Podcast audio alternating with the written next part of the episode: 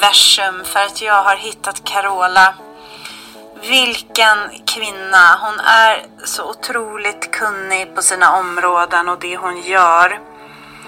En master 33 som jag har bett universum att få korsa min väg. Om ni inte redan gör det, lyssna på alla poddavsnitten.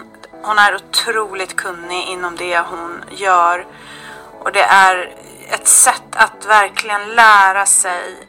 Carola gör det med en äkthet som jag upplever att många i det andliga Sverige idag inte gör. Och de har inte den kunskapen som de många gånger utger sig för att ha. Jag är så tacksam att Carola har korsat min väg.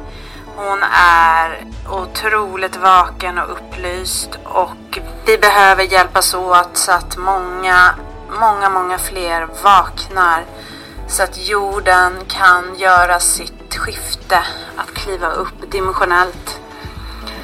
Och Carola gör ett eh, fantastiskt jobb.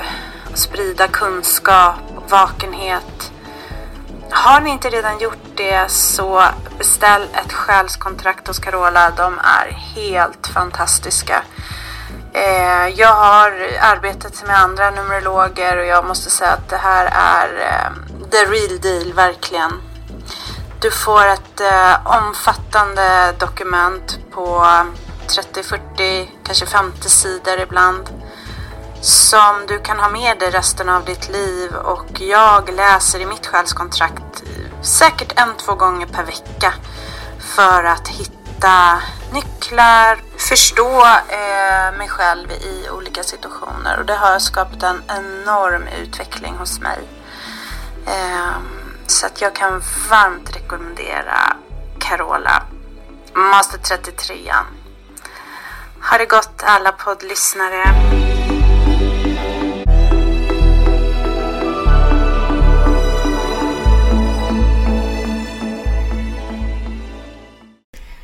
Välkommen till en ny säsong av Esoteriska podden. Vi går in i säsong två och det här ska bli jättespännande poddår tänker jag. Det kommer att bli väldigt mycket bra avsnitt jag ska producera framöver här men idag ska vi faktiskt fokusera, vi ska stanna tiden lite grann och titta på var är vi nu?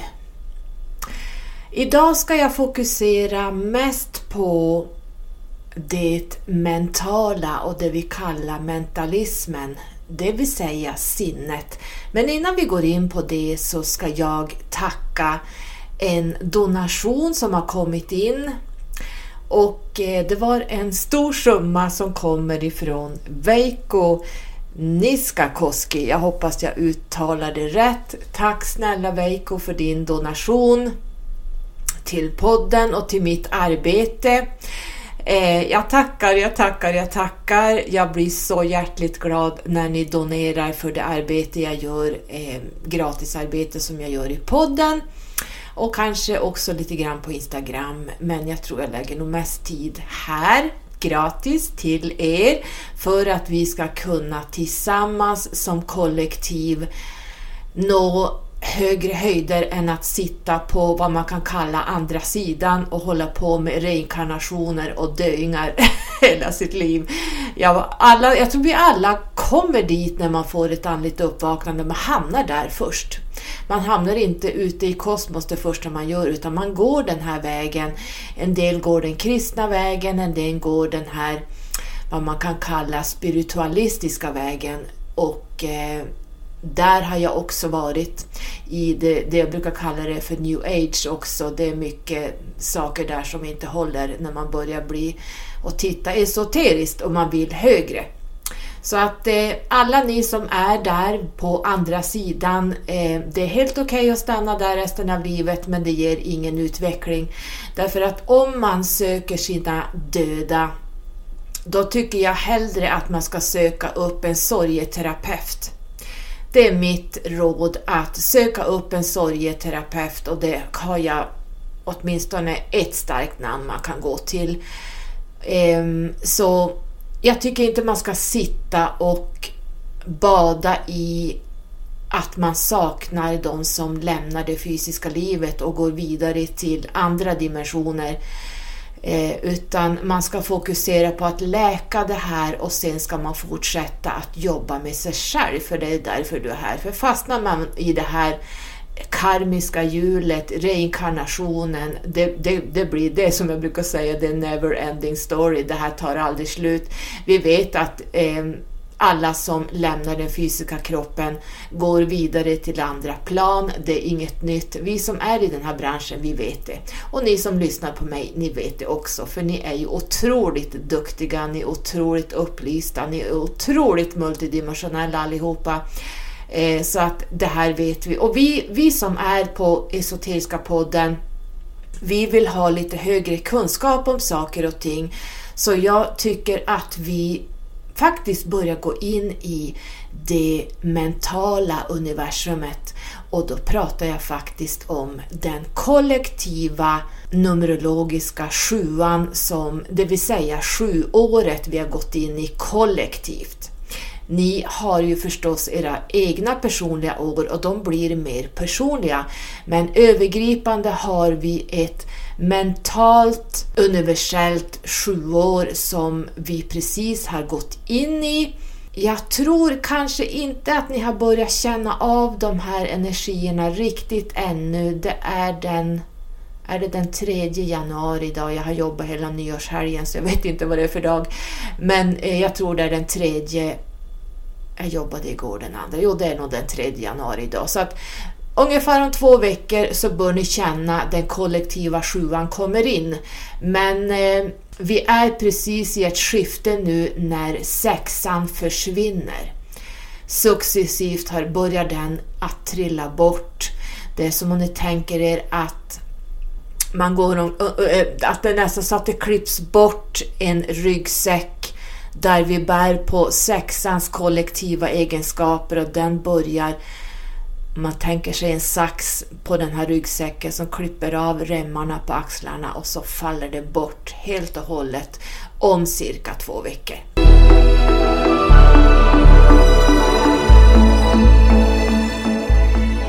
Vad är mindet hörni? Har ni funderat på det? Jag ställde ju en fråga på Instastoryt att ni skulle fundera på vad är mindet? Har ni gjort det? Har ni gjort läxan? Eh, ja, vad är mindet? Är det anden? Är det tankarna? Vad är det för någonting? Det är faktiskt någonting man kan kalla för mentalismen. Och mentalismen är universum. Hela universum är mentalt. Jag har sagt det här tidigare i Skyrocket-podden, men mentalismen är alltet. Och vad är då alltet? Jo, det är källan. En del kallar det för Gud om man är religiös. Men jag antar att alltet, källan och Gud är samma sak. Och det är sinnet. Så universum är mentalt. Så tänk dig eh, universum som omsluter allting som finns där i. Det är bara en osynlig energi som bara är mental. Och den här energin, om du tänker dig, den har armar överallt och håller om allt som finns där i, hur stort det än är. Och det är därför man också ser att våra civilisationer som har varit här och gått, de har avancerat upp i sinnet, i det mentala. Titta på min Sirian-grupp som jag har, Ashkera. De är i princip helt uppe i det här mentalismen, i alltet, i källan. De är väldigt mentala. De behöver inte prata, de behöver inte känna egentligen.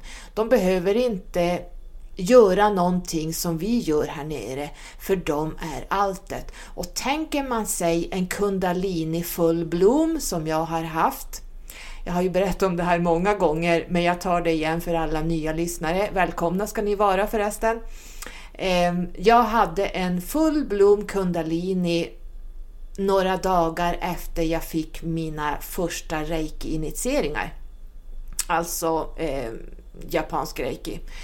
Så då har vi ett chakrasystem och längst ner i rotchakrat vilar den här, vad man kan kalla kundaliniormen. Den sover. Och när den vaknar och stegrar sig genom hela ditt system, ut genom kronchakrat, då har jag berättat för er att då blir jag ett med allt. Visst kommer ni ihåg det? Jag blir ett med alltet. Jag blir ett med väggen. Jag blir ett med dörrhandtaget. Jag blir ett med hela universum. Man blir Gud. Visst har ni hört att jag berättat det här gånger hundra? Ni är säkert less att höra det här, men jag, jag, vill bara att ni ska förstå mentalismen. Därför att när vi når den här, en full blom kundalini, så kastas du ur din kropp och du hamnar inte bara att du astralreser, du blir mindet. Du blir sinnet, du blir universum, du blir ett med universum. Och är man inte beredd på det här, då kan man få en psykos som heter duga. Lyssna på mina avsnitt jag har gjort om kundalini, hur farligt det är när man forcerar fram och leker med kundalinikraften. Det här är ingenting man ska leka med.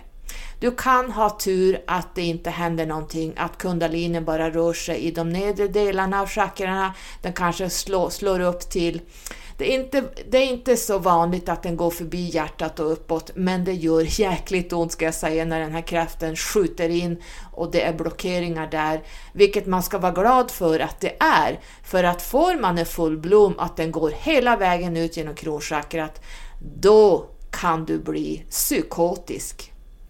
Du kan bli så psykotiskt sjuk, mentalt sjuk. Du kan inte skilja på det här alltet, hela, tänk att ha universums mind.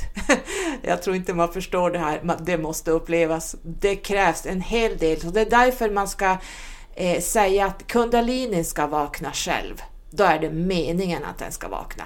Men man ska absolut inte hålla på och leka med den här kraften. Nu hamnar vi på sidovägar. Men jag ville prata bara om att vi har förmågan att nå det här tillståndet. Alla som har haft en kundalini eh, full blom. Vi har, om vi backar bandet, så har vi haft ett sexår. Jag har pratat lite grann i förra avsnittet som var säsongsavslut. Jag pratade väldigt länge där så det blev ont om tid så jag rafsade igenom allting i slutet. Det gick fortare och fortare och fortare. Men eh, jag pratade där om sexåret som vi nu har lämnat. Alltså nu pratar vi bara kollektivt. Nu ska du tänka att det här är inte ditt personliga år, utan det här är övergripande energier därför att numerologiska åren är, står över allting. Eller över allting. Det står egentligen inte över... den, den omslut... Om vi säger, om vi gör en rangordning, det är svårt att göra rangordningar, men vi har först universums mentalismen, alltet, källan, Gud. Det är sinnet därför att universum är mentalt. Men sen kommer även delar ur mentalismen, alltet, källan, Gud. Hur vi rör oss i universum. Hur, ni vet att numerologin kommer ifrån ljudet. Och ljudet skapar vibrationer och energier. Nu tar vi det här väldigt enkelt. Och det här hittar man i, i kabbalan till exempel.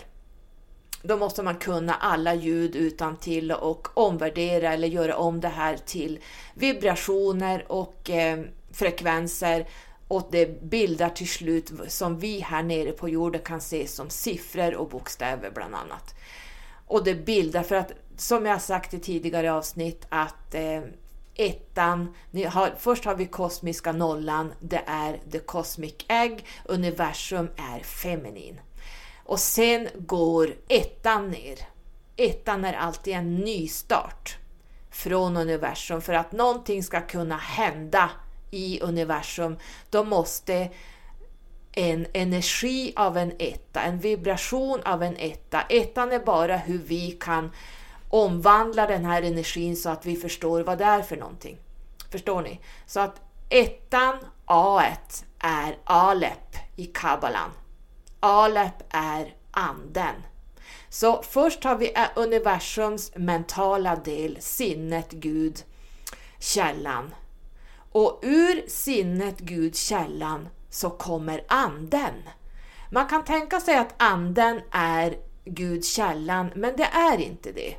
Så ska vi vara riktigt noga efter sex års studier här så är det som så att allt det källan Gud är det alltomfattande allting. Sen kommer ur det här mentala kommer anden. Och anden i sin tur splittrar sig i miljarders miljarders delar som vi kallar själen. Och själen går ner i en inkarnationsprocess för att göra det här väldigt, väldigt kort och enkelt. In i en fysisk kropp här nere för att uppleva saker som själen vill lära sig ur varje liv och ur varje liv kommer vi gå igenom en massa jobbiga saker för det är endast där vi lär oss saker. Vi kan inte lära oss någonting, det är bortkastat liv om vi bara glider omkring på ett bananskal. Så att vi, de som har haft de jobbigaste, tyngsta liven, då, deras själ skrattar och är väldigt lycklig för att när den själen går tillbaka, då har den med sig så enorm visdom av anden så att den höjer sig hela tiden. Den här själen går tillbaka till anden kan man säga och även i det kollektiva mindet. Nu känner jag att det börjar hamna ifrån vad jag skulle prata om, men jag vill bara förklara för er hur, hur det liksom väldigt snabbt ser ut i den här skapelseprocessen. Då vi då har varit inne i det här sexåret nu så har den energin börjat släppa så att när allting rör sig i universum, ingenting står stilla och allting rör sig i spiraler som ni vet. Ni ser det i själskontrakten att jag ritar de här spiralerna. I slutet av varje själskontrakt, jag tror jag skriver dem även i de personliga åren, då visar jag det här att allting är vi spiral in and we spiral out. out. Det vet ni att jag brukar säga och skriva. Och det är för att allting rör sig i spiraler i universum och ingenting står stilla. Så att då kan man läsa av det kollektiva året med vilken energi som hela universum har tiltat till, vinklat till, hur vi rör oss i den här spiralen, då kommer vissa energier ner från alltet, källan, Gud, sinnet. Blev det tjorvigt? Jag hoppas ni hänger med här. Så att eh, sexan har gjort sitt för den här gången. Sexåret handlade ju övergripande om ansvar, därför att sexåret handlar egentligen bara om ansvar. Sexåret handlar, alltså nu pratar jag om det kollektiva året. Sexan handlade om ansvar, eh, det handlar om separationer, eh, och ett kollektivt omhändertagande kan man säga. Den kosmiska förälder som jag brukar säga att sexan är. Den gudomliga modern också skulle jag vilja lägga till. Men också om val. Om vi tittar på tarotkortet The Lovers som jag pratade om i förra avsnittet, sexan The Lovers, hon står och gör ett val här. De är på det fysiska planet där det handlar om väldigt låga vibrationer, sexualitet, materialism, eh, karriärister, eh, arbetsrelaterat. Eh, ja, ni vet vad jag brukar säga om vad 3D innebär. Mm, framförallt det här, det man ser på det här kortet är att han åtrår henne hon verkar inte vara sådär jätteintresserad av hans fysiska, kötsliga, lågfrekventa, djuriska lust, utan hon tittar uppåt mot anden, som i det här fallet. avbildas som en ängel. Men jag tror eh, Tarot tar mycket från, det här tror jag ska föreställa The Garden of Eden, men ni vet att Bibeln är ju bara bullshit. Det är ju skrivet från helt andra läror. Men hur den är så tittar hon upp med anden som jag ser det. Hon tittar upp mot anden. Och vad är anden? Hon gör ett val. Jo, anden kommer från det mentala. Och det här är en övergång till nästa kort. Sjuan. Vi går in, eller vi har gått in i ett kollektivt, universellt, globalt sjuår. Så hon förbereder sig för att gå in i sig själv. Hon tittar och blickar upp mot anden. Det är valet hon gör. Men vi har också 20 med oss i, kan det bli 100 år någonting, 2000, 2001, 2002. Idag är vi inne i 2023, alltså 2023. Det är, vi har varit inne i 23 år nu med tvåans energi och vi har ungefär 77 år kvar med den här tvåans energi. På 1900-talet, 1995, 1990, 1960, där hade vi en skuld hela 1900-talet. Och vi hade även en ettas vibration där. Här skulle vi lära oss mycket om oss själva. Det var mycket ego här. Här föddes egot på riktigt, skulle man kunna säga. Eller egot eh, man lärde sig mycket om att stå på egna ben, man lärde sig att ratta sin egen bil själv, man lärde sig ganska mycket under 1900-talet. Och när vi gick in i 2000-talet så handlar det mer om tvåsamhet. Och det har vi ungefär 77 år kvar, så tvåan kommer att släpa efter i varje kollektivt år här. Vi, vi pratar om speglingar eftersom tvåan handlar mycket om relationer. Sexan har egentligen ingenting med kärlek att göra utan sexan jobbar mer med familjen skulle man kunna säga. Men tvåan handlar om speglingar, för relationer, vad de än är, om än det är kärleksrelationer, relationer till vänner, till arbetskamrater, till familjen, till sina barn, så handlar det här hela tiden om speglingar. Man måste spegla sig i andra för att hitta sig själv. Det här har jag sagt att det är ett avsnitt för sig själv, men relationer, de som håller på att jaga relationer och måste vara i relationer hela tiden, de är inte färdigspeglade. Jag som bor ensam sedan 2011, jag har speglat mig klart. Så är det. Eh, tvåan handlar också, 77 år kvar, om känslomässig kaos. Det kommer att handla om eh, att agera diplomatiskt. Det är det vi ska lära oss under de här hundra åren. Vi ska lära oss samarbeten, vi ska lära oss tålamod och vi ska framförallt lära oss balans.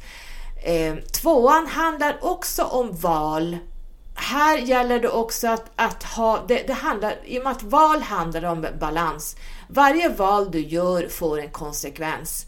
Så att här gäller det att vara i balans i sina val, tänka till och framförallt det här emotionella ser vi ju nu. Folk är så äh, jag ser det på jobbet, jag ser det, vi ser det på 1177, alla. Det finns ingen som kan ta hand om sig själv längre. Det är väldigt, som vi säger här uppe, emligt. Det är ganska eländigt. Det är väldigt eh, eh, osäkert. Man är Människor är väldigt osäkra, det är väldigt emotionellt, man söker för allting, man, man klarar inte av någonting själv, man måste hela tiden förlita sig på andra och det här är eländigt att se, men så ser det ut just nu. Det är tvåans energier som trycker på här att vi måste börja ta eh, det fick vi lära oss i sexan tillsammans med tvåan i 2022.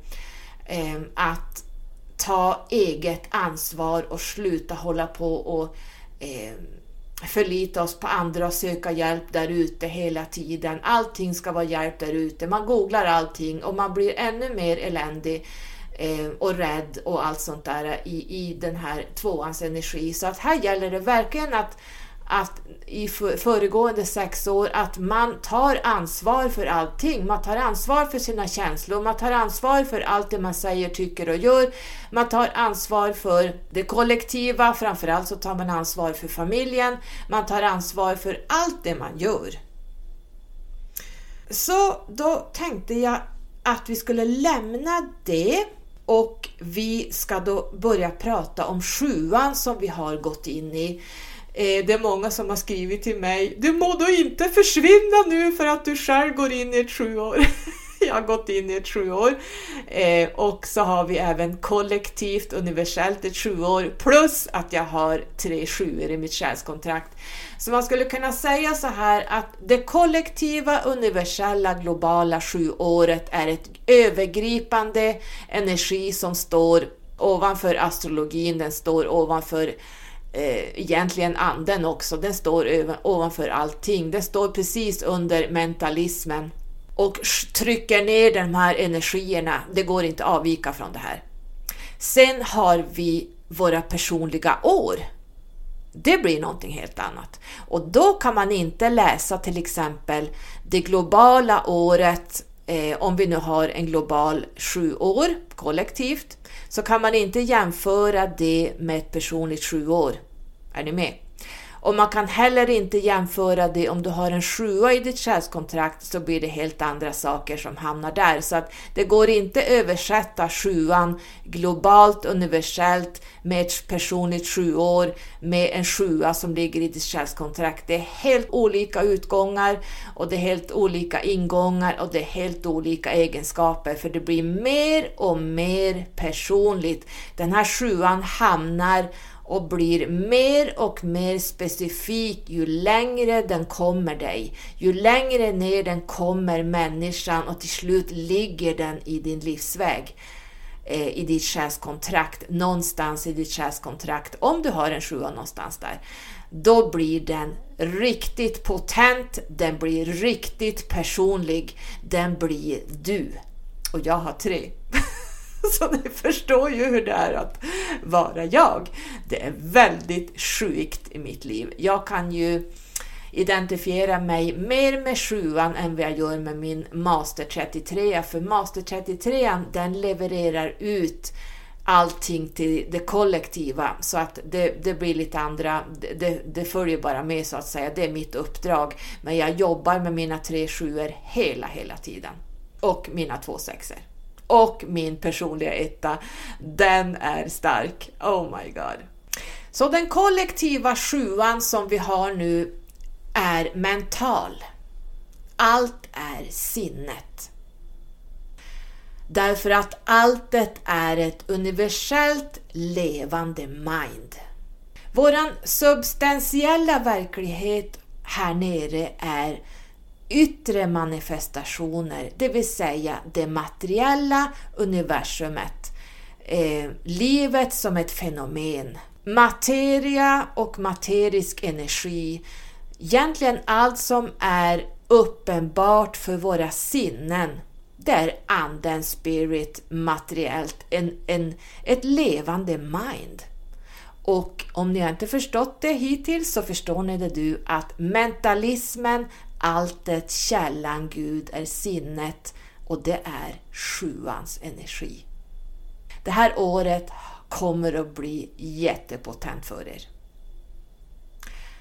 Världen och universum är en mental skapelse där allt levande, alla entiteter från alla dimensioner och allt vi pratar om, djuren, you name it, har sin existens i det här alltets mind, det vill säga i sinnet. I det här universella sinnet, mindet, så lever vi. Här har vi våran tillvaro. Här i det här rör vi oss. Är ni med? Så att det här kan man säga är ett väldigt speciellt år. Så att när vi tittar på tarotkortet nummer 6, The Lovers, då tittar hon upp mot anden. Och det innebär att sexan har vi nu lämnat. Hon gjorde ett val här.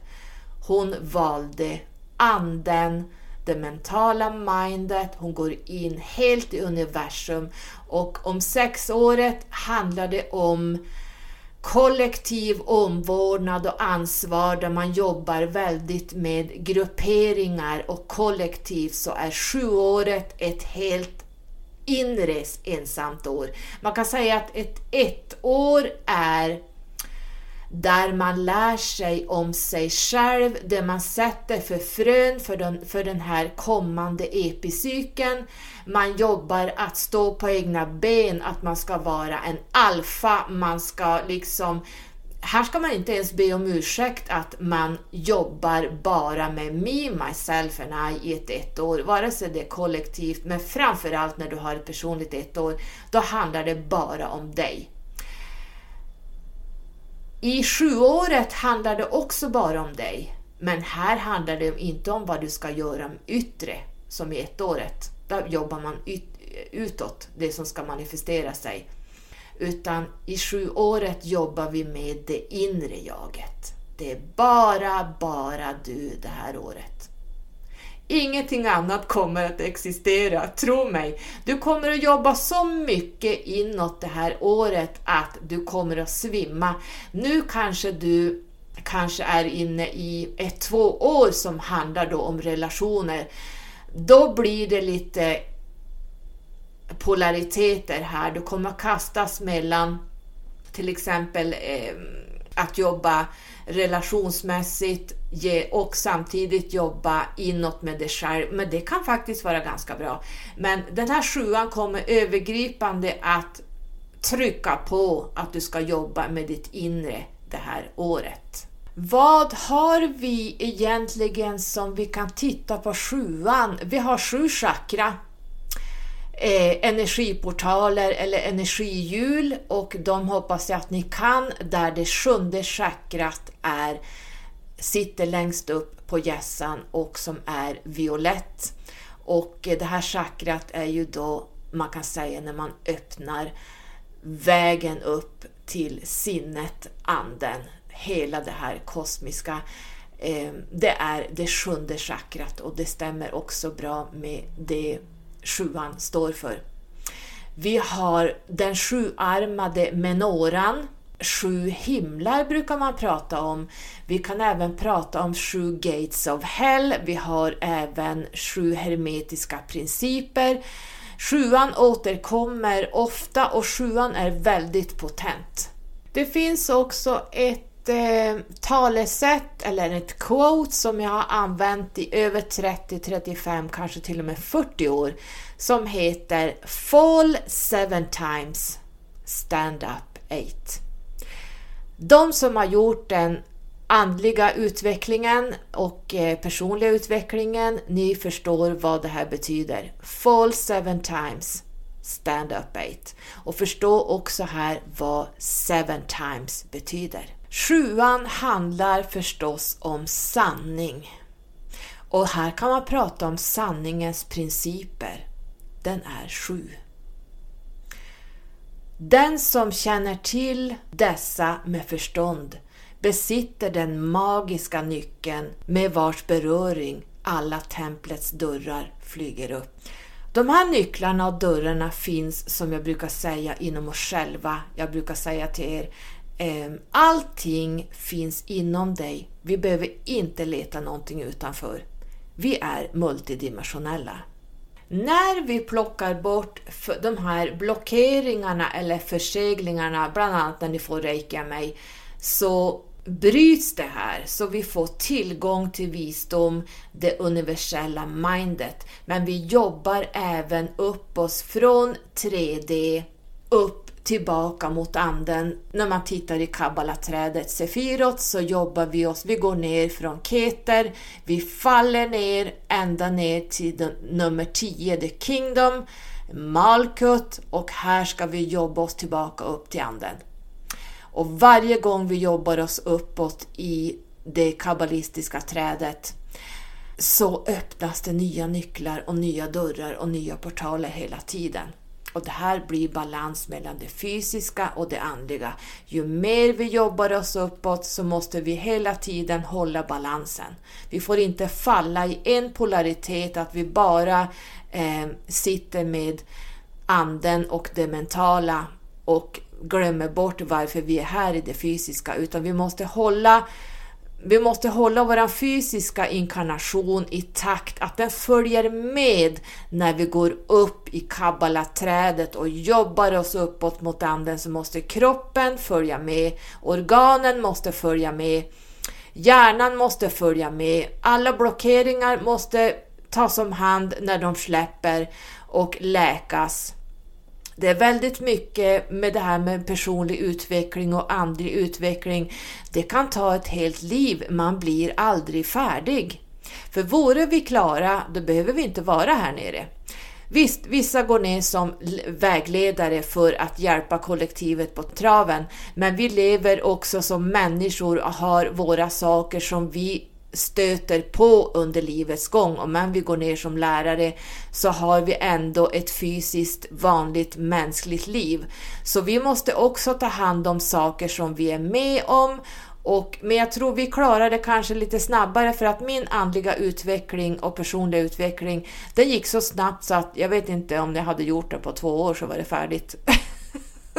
ja, inte färdigt, men ni förstår. Jag, jag behöver inte traggla på i den här reinkarnationsträsket, att sitta på andra sidan och prata med döingar. Vad ger det mig för utveckling? Ingenting. Här bör man gå till en sorgeterapeut och jobba bort det här separationsångesten man har för att man har förlorat sina döda.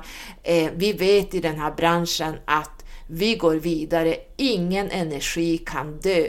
Vi går tillbaka till andra dimensioner beroende på hur vi har utvecklats oss, om vi har följt det här själskontraktet som det var menat att vi skulle göra när vi skrev på att vi gick ner här.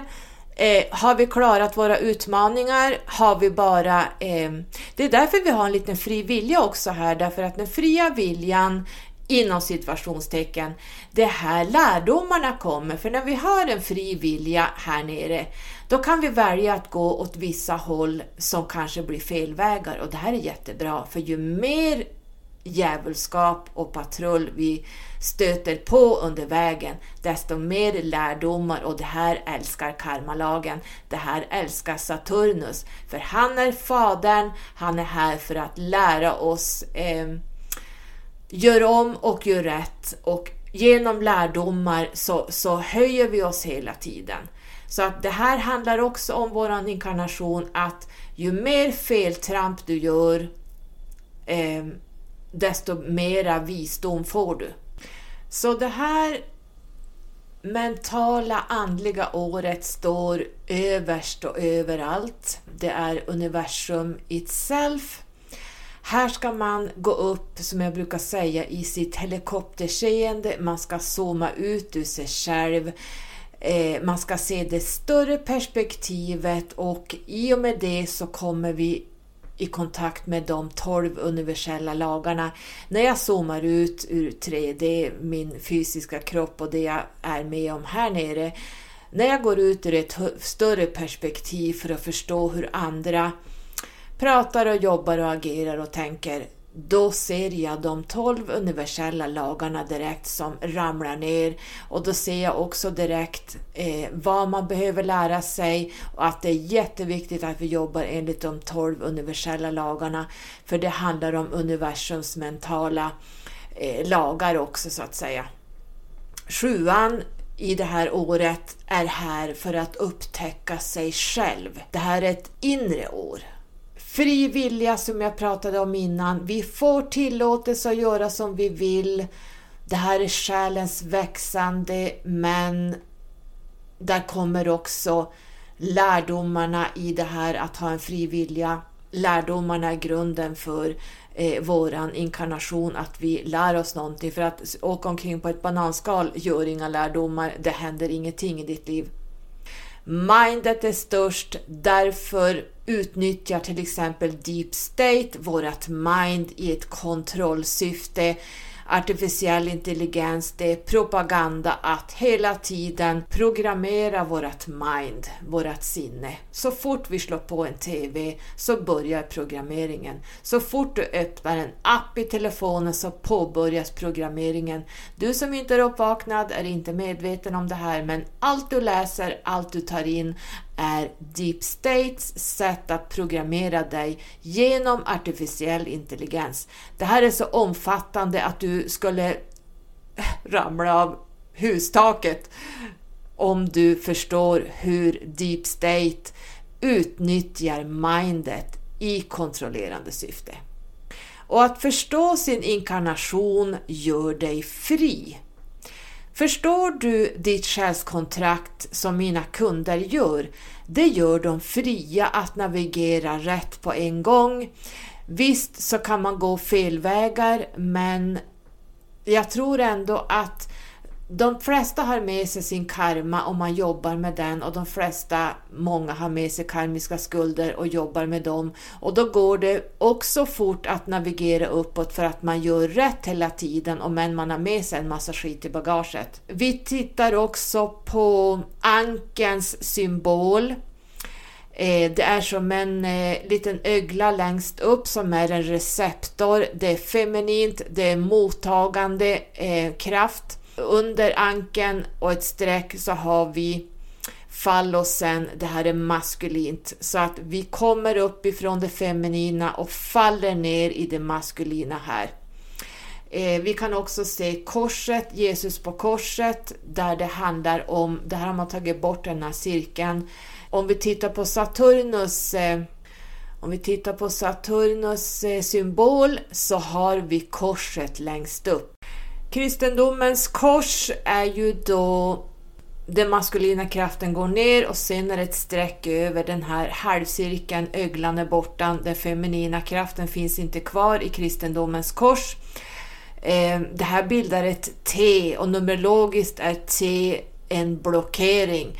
Det finns en blockering uppåt mot anden där har vi Saturnus, har det här T, om du tittar på Saturnus symbol. Han blockerar dig att nå, han står på, eh, beror på hur man tittar, men på en sida av eh, kabbalaträdet, eh, triangel längst upp, via Keter, anden, och precis bredvid så står Saturnus som en blockering eh, mot den här anden. Och varför då?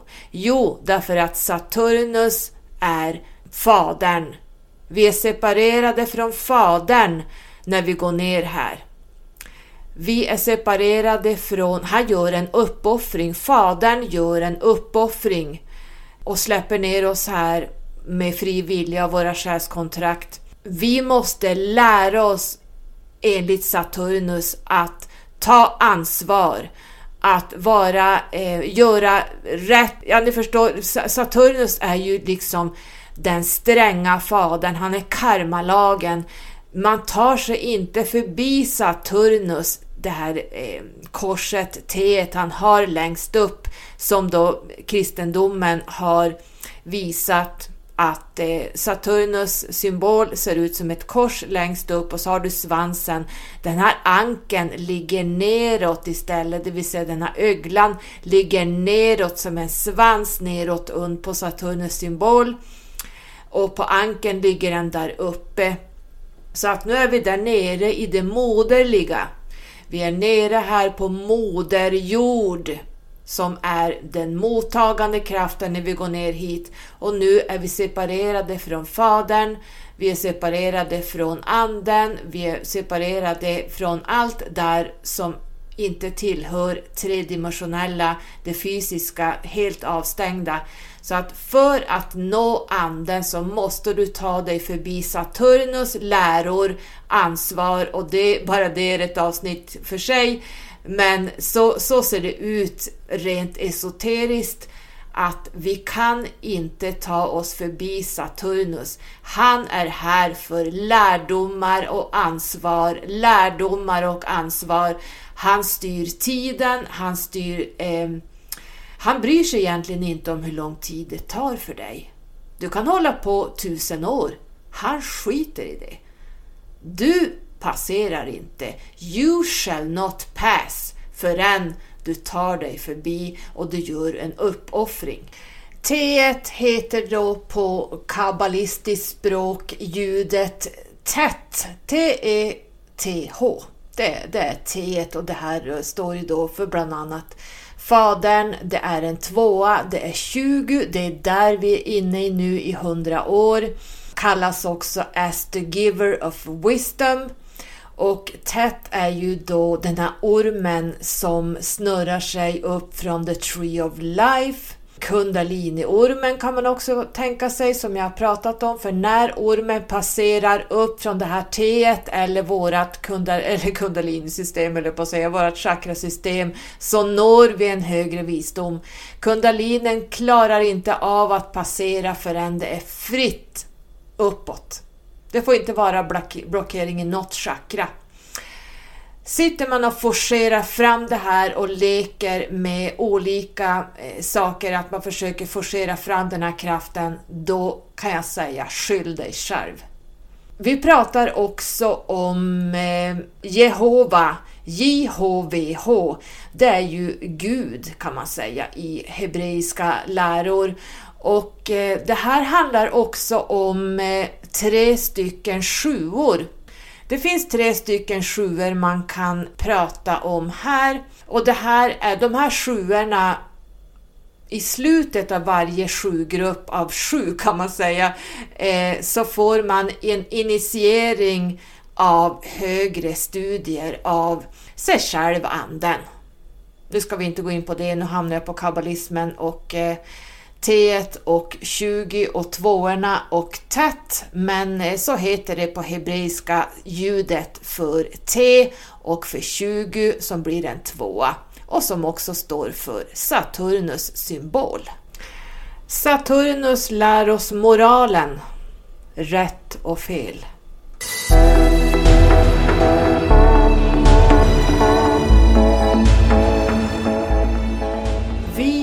Har gått in i mysticismens år med den kollektiva, universella, globala sjuan.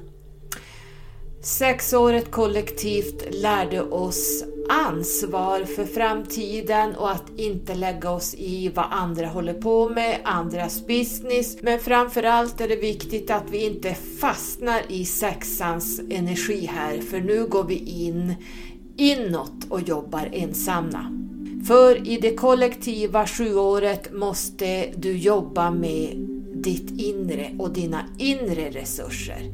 Din inre passion. Och för att det här ska ske så måste du ta resurser från någonting annat, det inre. Sjuans energi. Att totalt underkasta dig det andliga livet, ditt inre. Det kan vara riktigt scary för många det här. Har man inte kommit så långt i sin personliga och andliga utveckling är det jättejobbigt och svårt att skala bort det yttre, skala bort egot. Eh, egot är ju rädslor, eh, man törs inte ändra riktning, man törs inte förändra saker och ting som eh, folk sätter på oss att vi måste och ska göra. Men är det verkligen det här du ska göra? Det här kommer du att tänka på under det här kollektiva sjuåret. Här hittar man då den riktiga och sanna motorn som kör ditt fordon. Titta på tarotkortet för det här året som är sjuan, vagnen. Här står du, du har lämnat det kollektiva samhället som står bakom dig. Du sitter i det här fordonet och det står helt stilla. De här som drar vagnen, de ligger helt stilla och slappnar av tills du har nått det inre. Då börjar du kunna starta den här vagnen igen. Men vi kan också titta på tarotkortet nummer 9, eremiten, för det är sjuans kort all over the place. Sjuan är universum herself. Så när du är helt inne och jobbar med din ande och ditt sinne så får du 100% feedback från samma källa. Sjuan handlar om dedication, att förstå hur saker fungerar på djupet, andligt och esoteriskt och eh, mentalt naturligtvis, det vill säga sinnligt. Det här är ett år där vi jobbar kollektivt med att bli de vi är i anden trots motstånd från andra. Vi kliver av, Titta på vagnen, på tarotkortet. Den här personen har klivit av, har tagit på sig en rustning för att yttre påverkan inte ska ta sig in. Vagnen står stilla.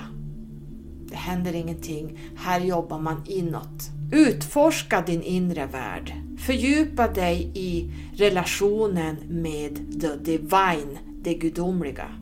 För att göra det här andliga arbetet måste du kliva av från andra. Du måste kliva bort från andra. Det här är ett inre ensamt år. Vi tar inte in någonting utifrån eller vad andra säger och tycker att vi ska göra. Vi följer den inre vägledningen. Vi bryter oss loss från vad som är förväntat av oss och normer. I föregående sex kollektiva år hade vi fullt upp med att bry oss om och omvårdna andra. Vi skapade mycket communities och cirklar. Nu ska vi plötsligt bryta oss loss från det här. Det kommer försvinna när sjuan börjar gå in på riktigt. Andlig magi och andlig power, det är vad det här sjuåret handlar om. När du bryter dig loss från allt, vad finns det då kvar? När du börjar skala lager för lager för lager, vad finns det då kvar? Det här kan ta ett tag. Det gör ont. Det är smärtsamt att nå sitt inre. Det är ljuset som du ska följa här. Vad vägleder dig framåt från ditt sinne? Vi kommer inte under det här kollektiva sjuåret att lyssna på forecasts eller predictions, det vill säga vägledningar från andra. Jag tänker här också att vägledningar, statiska och pragmatiska vägledningar kan man lyssna på. Därför att Astrologin visar hur planeterna rör sig och här har vi några tusen års kunskap och vetenskap om vad som händer när planeterna rör sig genom vissa hus, när de eh, står i samma i konjunktioner och trigoner och you name it, så händer det vissa saker kollektivt. Det här vet vi. Det här vet vi. Så det kan man absolut lyssna på. Man ska också lyssna på Numerologin för den är statisk. Den visar samma sak. Det spelar ingen roll vad, vad, vad du än tycker och tänker. Du kan inte vika undan från de numerologiska energierna. Men allt annat ska du faktiskt kliva av ifrån och du kommer att göra det från olika vägledningar från andra. Och det här är helt enkelt för att det ligger inte i den kollektiva sjuans energi eller natur att beblanda sig vad andra har att säga och tycker att vi ska göra och sina vägledningar som kommer från deras eh, eh filter så att säga. Genom att lyssna på andras poddar som nu sprutar ut där ute som intervjuar samma personer med samma kunskaper, jag skulle vilja säga låga kunskaper eller via andra medier än poddar.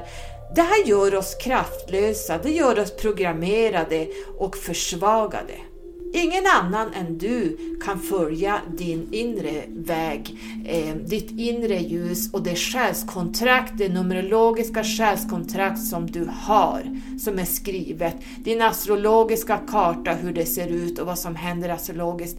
Det är det enda du ska titta på under det här året och egentligen alla år. Men nu under det här kollektiva sjuåret så blir det väldigt potent att eh, du kommer känna att det andra säger till dig från deras perspektiv, om det är tarotläggningar, om det är mediala vägledningar, om det är vad som kallas andekontakter, jag ger ingenting för sånt här.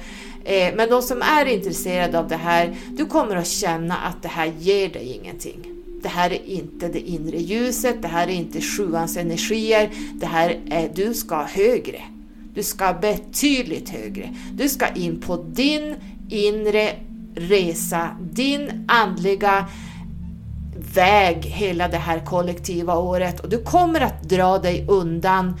Du kommer att stänga in dig, du kommer att säga nej till det du tidigare har beblandat dig i i sexåret. Du kommer då känna nu att nej, du kommer att bli specialist på olika områden det här året.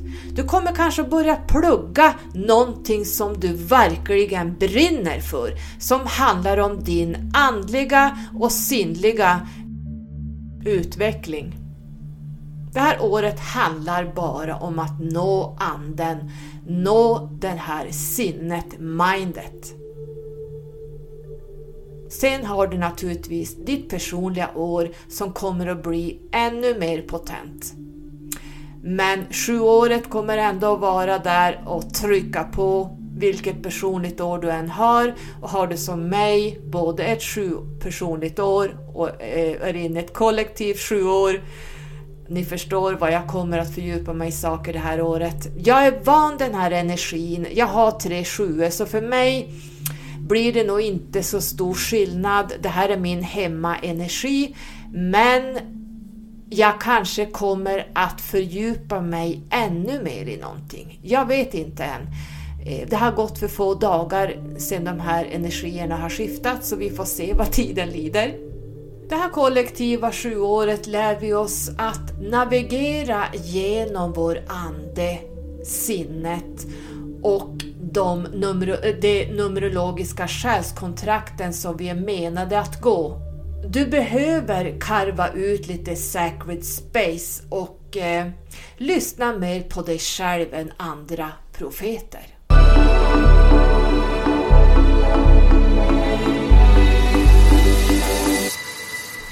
Jag skulle prata om the tenth gate, den tionde gaten, men jag ser att jag hinner inte det. Jag hade tänkt prata om vad vi är inne i nu, men det får bli kanske nästa gång. Vi får se om jag samlar ihop det här till nästa avsnitt. Ehm, det kanske blir bättre att samla ihop det till nästa avsnitt just för att det blir lite samma tema det jag hade tänkt prata om nästa gång. Så jag tror att vi sparar the 10th gate som vi är inne i nu till nästa avsnitt. Så ni får inte bli besvikna här nu, men eh, den som väntar på något gott. Eh, som ni vet också, ni som eh, följer mig på Instagram, Let's Skyrocket official, så ställde jag en fråga till er att ni fick ställa en numerologisk fråga till mig. Och det har kommit några frågor som lyder. Jag ser exempelvis 11, 11, 17, 17, 18, 18, 23, 23 och så vidare hela tiden. Det gör att jag typ undviker att kolla tiden. Betyder de här någonting? Tror ej på änglanummer. Jättebra att du inte läser änglanummer på Google och på hemsidor därför att det är bara skit. Det, det, är, ingen, det är inte numerologi så att det var jättebra. Ehm, däremot så kan jag inte sitta och ge vägledningar här vad alla de här numren betyder, då, vi, då hamnar vi i... Om jag ska ge en vägledning för 1717, då är vi ungefär 40 minuter. 1818 då har vi 40 minuter till, 2323 har vi fortfarande 40 minuter. I Numerologin kan man inte ge korta ord som vägledningar. Till exempel om du är inne i år fyra så handlar det om ordning, ansträngning, bygga och planera. Det är ju personligt år fyra, några få ord. Men det är inte ett personligt år. Ett personligt år i till exempel personligt år fyra eh, handlar just om 30 sidor kanske eh, personligt år. Så att det går inte bara med, jag ska ta upp min telefon här igen vad det står. Eh, vars var jag? Betyder det här något? Tror ej på änglanummer, ja. Så att det går inte att säga. Det jag däremot kan säga, för att de här numren, jag måste titta på till exempel eh, 1717, då måste jag titta på ettan och sjuan och, måste, och så måste jag titta på, lägga ihop alla de här fyra och sen måste jag få ett slutnummer. Sen måste jag kolla 17 slutnummer och det nästa 17 slutnummer så att det går inte ge en vägledning bara 1717 och säga två ord. Det, det funkar inte. Eh, jag tror jag har sagt det i tidigare avsnitt så att tyvärr så kan jag inte, eller jag kan det men jag har inte tid att ge vägledningar för så här mycket nummer. Däremot kan jag säga 1111 är ett uppvaknande nummer. Nästan 99,9% av världsbefolkningen ser 1111 när man börjar vakna upp till anden. När man börjar vakna upp till mindet. Det är någonting som knackar dig på ryggen och säger Dags att vakna upp. Dags att se det högre perspektivet. Nu börjar din andliga uppvaknande resa och då visas alltid 1111. Men jag hinner inte gå in på 1111 heller, jag är ledsen. Och det var rätt att du säger att du inte tror på änglanummer, för angel numbers är new age och det är bara hittepå, det är inte numerologi. När börjar ett nytt personligt år? Första i första, första april födelsedag. Här förstår jag inte. Men jag kan säga så här, ett nytt personligt år börjar alltid på din födelsedag och det löper till din nästa födelsedag. Så det kollektiva året börjar alltid den första i första till den 31 i tolfte. Och ditt personliga år börjar alltid på din födelsedag. Då ska vi se nästa. Tror jag har personligt år 6 2023. Vad innebär det? Då gör du som så att istället för att jag ska sitta och prata om 30 sidor personligt år så vill jag att du bokar en, ett personligt år av mig från min hemsida. Du kan gå under tjänster och där kan du boka ett personligt år 6, vad det innebär. Så då får du väldigt mycket sidor att läsa hur du ska navigera under ditt personliga år 6 det här året. Då, är, då kommer nästa. Dessa siffror visar sig jämt. 144, 111, 444 och 114. Har du någon tolkning?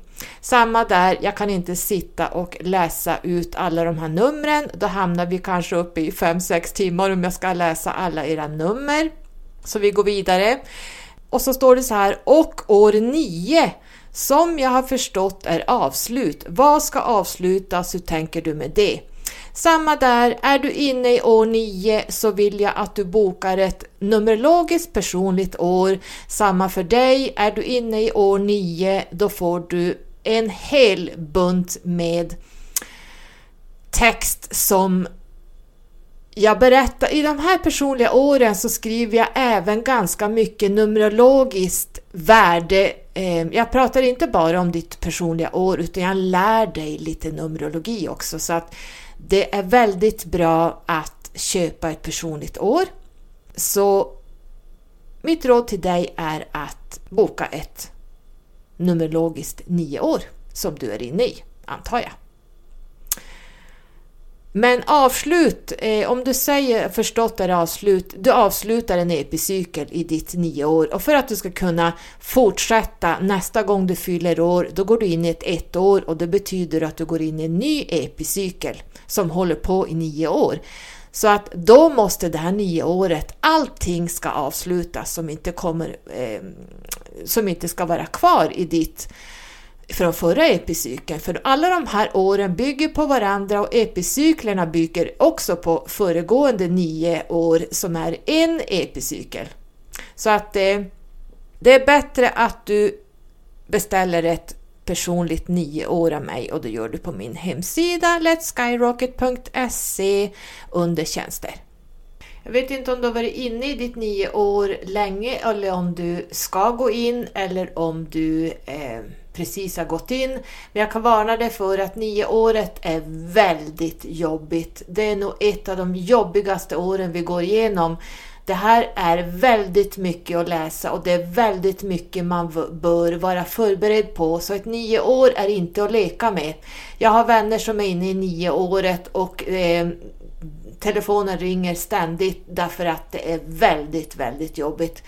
Eh, jag kan säga att det här är så pass jobbigt att det blir nästan att man behöver boka eh, lite hjälp på traven. Därför att det är, det är mycket som händer i ett nio år Eh, för alla. Jag känner att jag har inte stött på någon på mina år som jag är, har varit numerolog som har haft ett lättsamt nio år. Det, det, har inte kommit upp någon utan jag har även kunder som kontaktar mig som har fått sina nio år. Det är väldigt jobbigt så att du är förberedd på det. Så jag tycker att du ska köpa ett personligt år 9 så att du ser vad som kommer och vad som kan hända och vad som faktiskt kommer att hända under det här året. Så, eh, och så får du lite tips och råd hur du ska navigera genom det här jobbiga som kommer under nyåret. Då står det så här också, 33, berätta om det numret och då har jag svarat direkt. Det finns ett avsnitt om Master 33 på Skyrocket-podden. Där kan man läsa, eller inte läsa, man kan lyssna.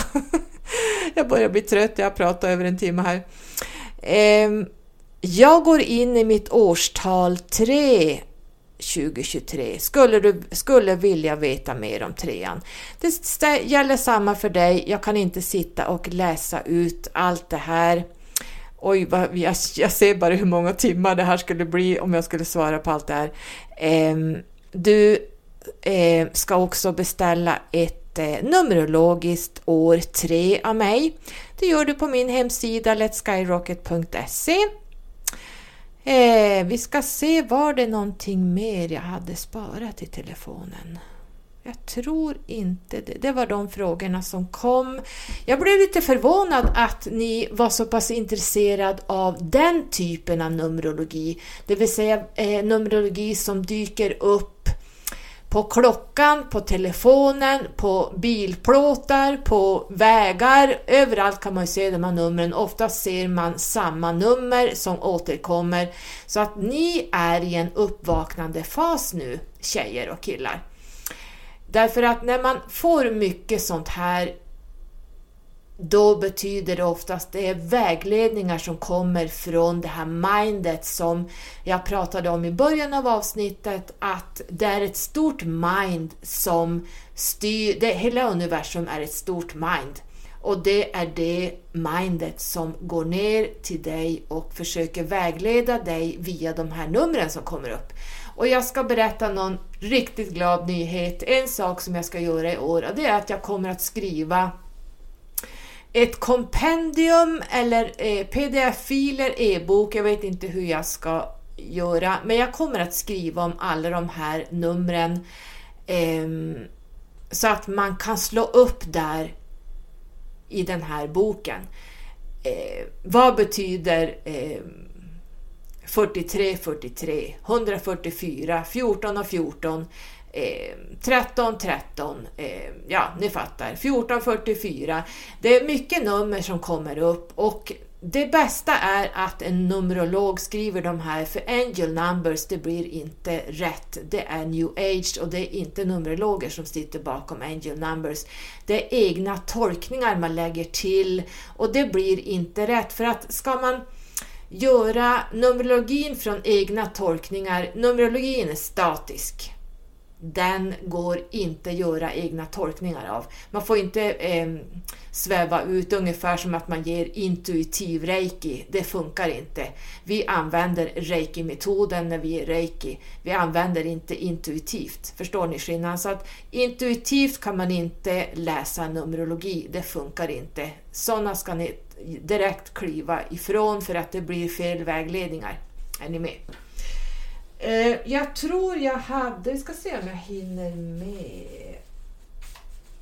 Jag hade fler frågor som jag inte hann förra gången. Är vi i the golden age? No. Vi är inte i the golden age. Vi är i Kalis ljuga. Vi är jättelänge kvar i Kali, the time of destruction. Så någon golden age är vi inte i. Titta hur världen ser ut. Titta hur polariteterna ser ut. Titta hur världsregeringar håller på.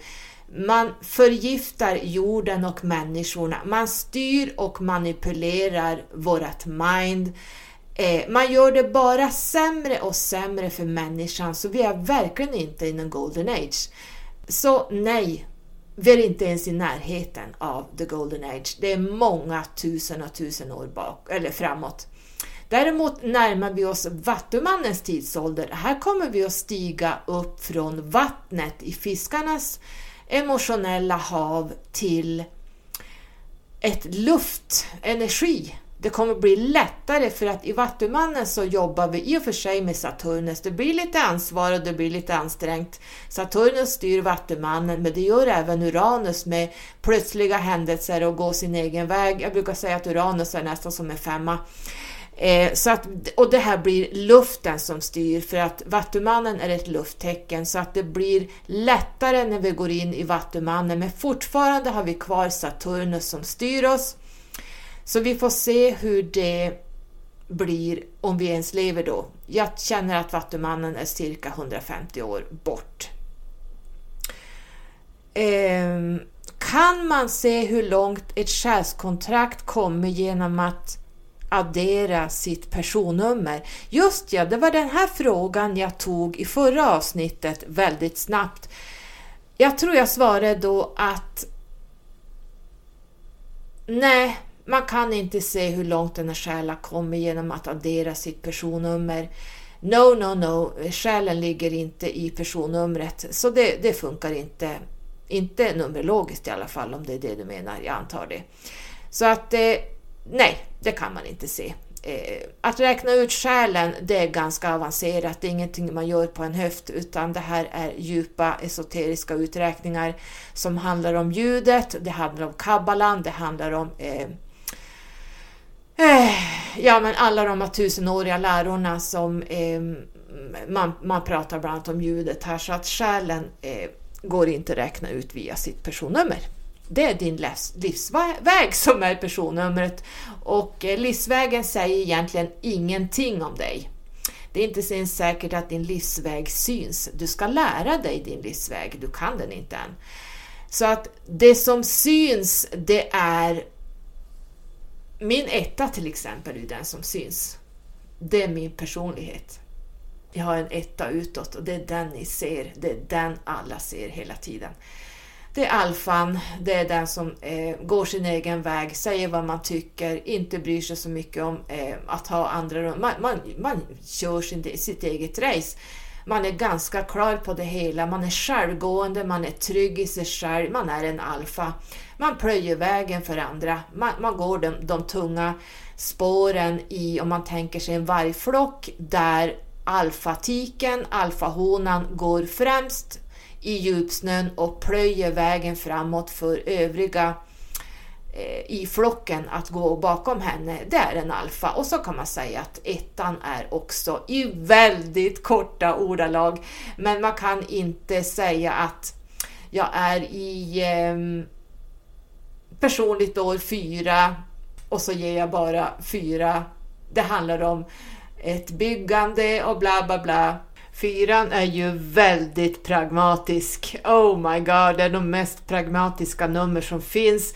Fyrans högre oktav är ju åttan som är ännu mer pragmatisk så att eh, det är också ett år som är ganska arbetsamt. För här gäller det att bygga saker, bland annat av 30 sidor där du får veta hur ditt personliga år är. Så ni är välkomna att komma med bokningar. Jag har, fått, jag har kö på mina bokningar just nu. Jag fick i december, jag trodde ingen skulle boka någonting i december Um, och så sitter man med bokslut och så rasar det in själskontrakt, det rasar in personliga år, det rasar in Herregud, jag har jobbat... Alltså, ni som väntar, jag fick... Äh, det, det är jättemycket själskontrakt och det är mycket personliga år och det här tar tid att sitta och skriva för hand, bara så att ni vet, och sitta och räkna ut allting. Så att det, det må, och jag som är så korrekt, stenbock ni vet, så att det måste vara väldigt korrekt, det får inte missas någonting. Jag trippelräknar ut själskontrakten tre svängar innan jag ens känner att jag är färdig. Sen kan jag ändå känna att jag måste räkna ut igen och kolla om det stämmer. Så att det är väldigt mycket förarbete och sen ska det skrivas för hand. Oj vad jag pratar mycket nu. Eh, jag tror vi avslutade. Jag vet att vi hade några fler frågor men jag hittar inte dem. Jag tror jag skriver det på andra lappar, för jag skriver ett, två och tre. Trean är borta. Jag vet att vi hade fler frågor, men nej, jag hittar inte den lappen. Så att jag tror vi är klara för idag. Nästa avsnitt kommer att bli superspännande. Även för mig. Jag är jättetaggad för att prata om nästa avsnitt. När det här avsnittet kommer ut, det vet jag inte. Det kan gå en vecka, det kan gå en månad. Who knows? Det viktiga är att ni klickar på följ mig. Det är viktigt att ni ger mig ett bra betyg, att ni sprider podden till de som vill lära sig lite mer högre kunskap och lite mer esoteriskt och mystiskt och numerologiskt och eh, kabbalistiskt, eh, galaktiskt, ja, you know. Det tar aldrig slut. Man kan prata om precis allting som, har ut, som är utanför fjärde dimensionen. Tredje och fjärde dimensionen är inte alls så intressant. Jag var där själv ett år, kanske inte fullt ett år, då var det mycket änglar och det var, eh, jag kommer ihåg det här, det var jättemycket änglar och det var gud om jag kommer ihåg allt jag höll på med. Det var mycket andra sidan. Eh, jag var helt begeistrad i det här tills jag började få påhälsning av lite högre entiteter, det vill säga Sirian som kom på besök och sen kom en Hopi eh, Kachina och så började, så, så där började egentligen mitt tredje, fjärde, femte uppvaknande. Så det var där jag började lämna den här fjärde låga dimensionen, fjärde dimensionen, astralplanet. Den är rolig att vara i som jag brukar säga, men det ger ingen utveckling. Det här kan man lära sig på ja, några månader så är man klar där, så går man vidare. Så att, eh, ja, så, så är det att jag har varit där Eh, bland new age-träsket och änglar och eh, allt vad det var man höll på med, andra sidan och bortgångna och kanalisera döingar och eh, prata med dem. Det gör jag för sig, de kommer varje kväll så kommer de och pratar, ibland är de här. Eller egentligen, mitt hem är så otroligt paranormalt jag har dem här hela tiden, men som jag sa till en kompis som var hälsade på, de, de stör mig inte. Så länge de inte stör mig på nätterna och håller på och lever jävel som de gjorde tidigare. Jag har sagt till på skarpen, men det är väldigt paranormalt här hemma. Och jag tycker det är lite roligt, jag tycker det är mysigt för det är bra energier som är här. De pratar med mig, ibland kan det vara fem, sex, sju stycken som pratar med mig direkt. Jag lägger mig och kopplar bort eh, eh 3D-tänket så att säga. Eh, man kliver bort från vardagen och lägger sig i sängen, släcker lampan. Då, alltså det hinner, jag hinner knappt landa på kudden så så kommer astralplanet och de pratar och de pratar. Ibland kan jag ligga och lyssna när de pratar med varandra och ibland pratar de med mig. Det här är jättespännande och då brukar jag säga till att nu ska jag sova, nu får ni eh, gå iväg och då blir det tyst. De lyssnar faktiskt. Men det, är, det sker ingen utveckling kring det här. Men det är bara lite roligt för jag tycker om att ha, ha dem här faktiskt. De är ganska söta allihopa. En del är faktiskt från astralplanets, eh, de som är... Det finns faktiskt, om vi får kalla det andar, själar, som är väldigt olyckliga. Det kanske man inte tror, men eh, det visar också på deras intelligens att när man går tillbaka till astralplanet så till exempel min mamma har ju inte högre kunskap än vad jag har för hon går tillbaks med de lärdomar hon har lärt sig i det här livet.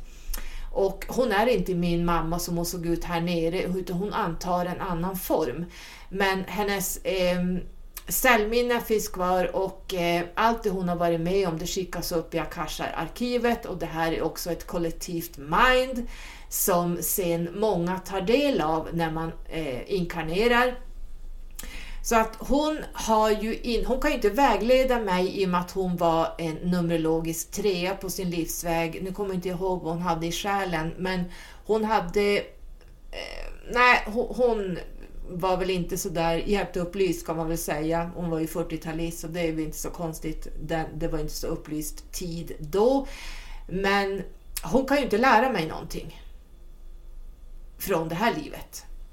Så att det, det brukar jag också tänka att när, när de här ledsna andarna kommer och vill prata så blir det jag som vägleder dem och då inser man att de har inte så hög kunskap. Så är det.